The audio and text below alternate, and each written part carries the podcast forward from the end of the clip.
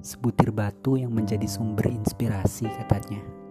Ya, batu yang tak kenal lelah, batu yang tak pernah punya masalah.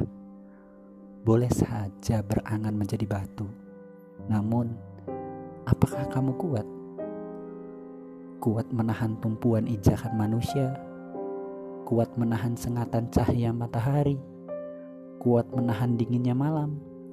Kalau kamu kuat, tak apa namun, pada realitasnya, kamu terkungkung dalam dunia cinta. Cuma ada masalah dengan doi, lantas seketika ingin menjadi batu untuk pelarian semata. Bagiku, kau sudah layak menjadi batu. Namun, dari segi kerasnya, bukan dari keteguhannya. Kau hanya menuntut kepekaan tanpa pernah mengkodenya. Bukankah itu ego yang keras layaknya batu? Oke, aku memahami kodratnya cewek. Cewek memang mudah sekali menangis.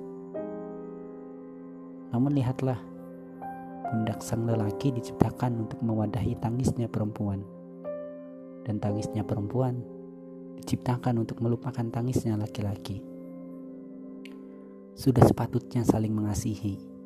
Sudah waktunya saling memahami dan sudah saatnya saling mempercayai. Jua saling siap untuk tersakiti jika sudah memutuskan untuk saling melengkapi.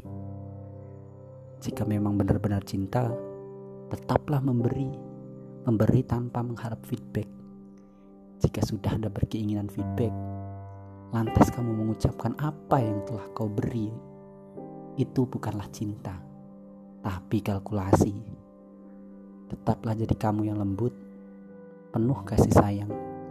Anggun layaknya senja yang selalu berkunjung di sore hari hanya beringin untuk menjinggakan dunia.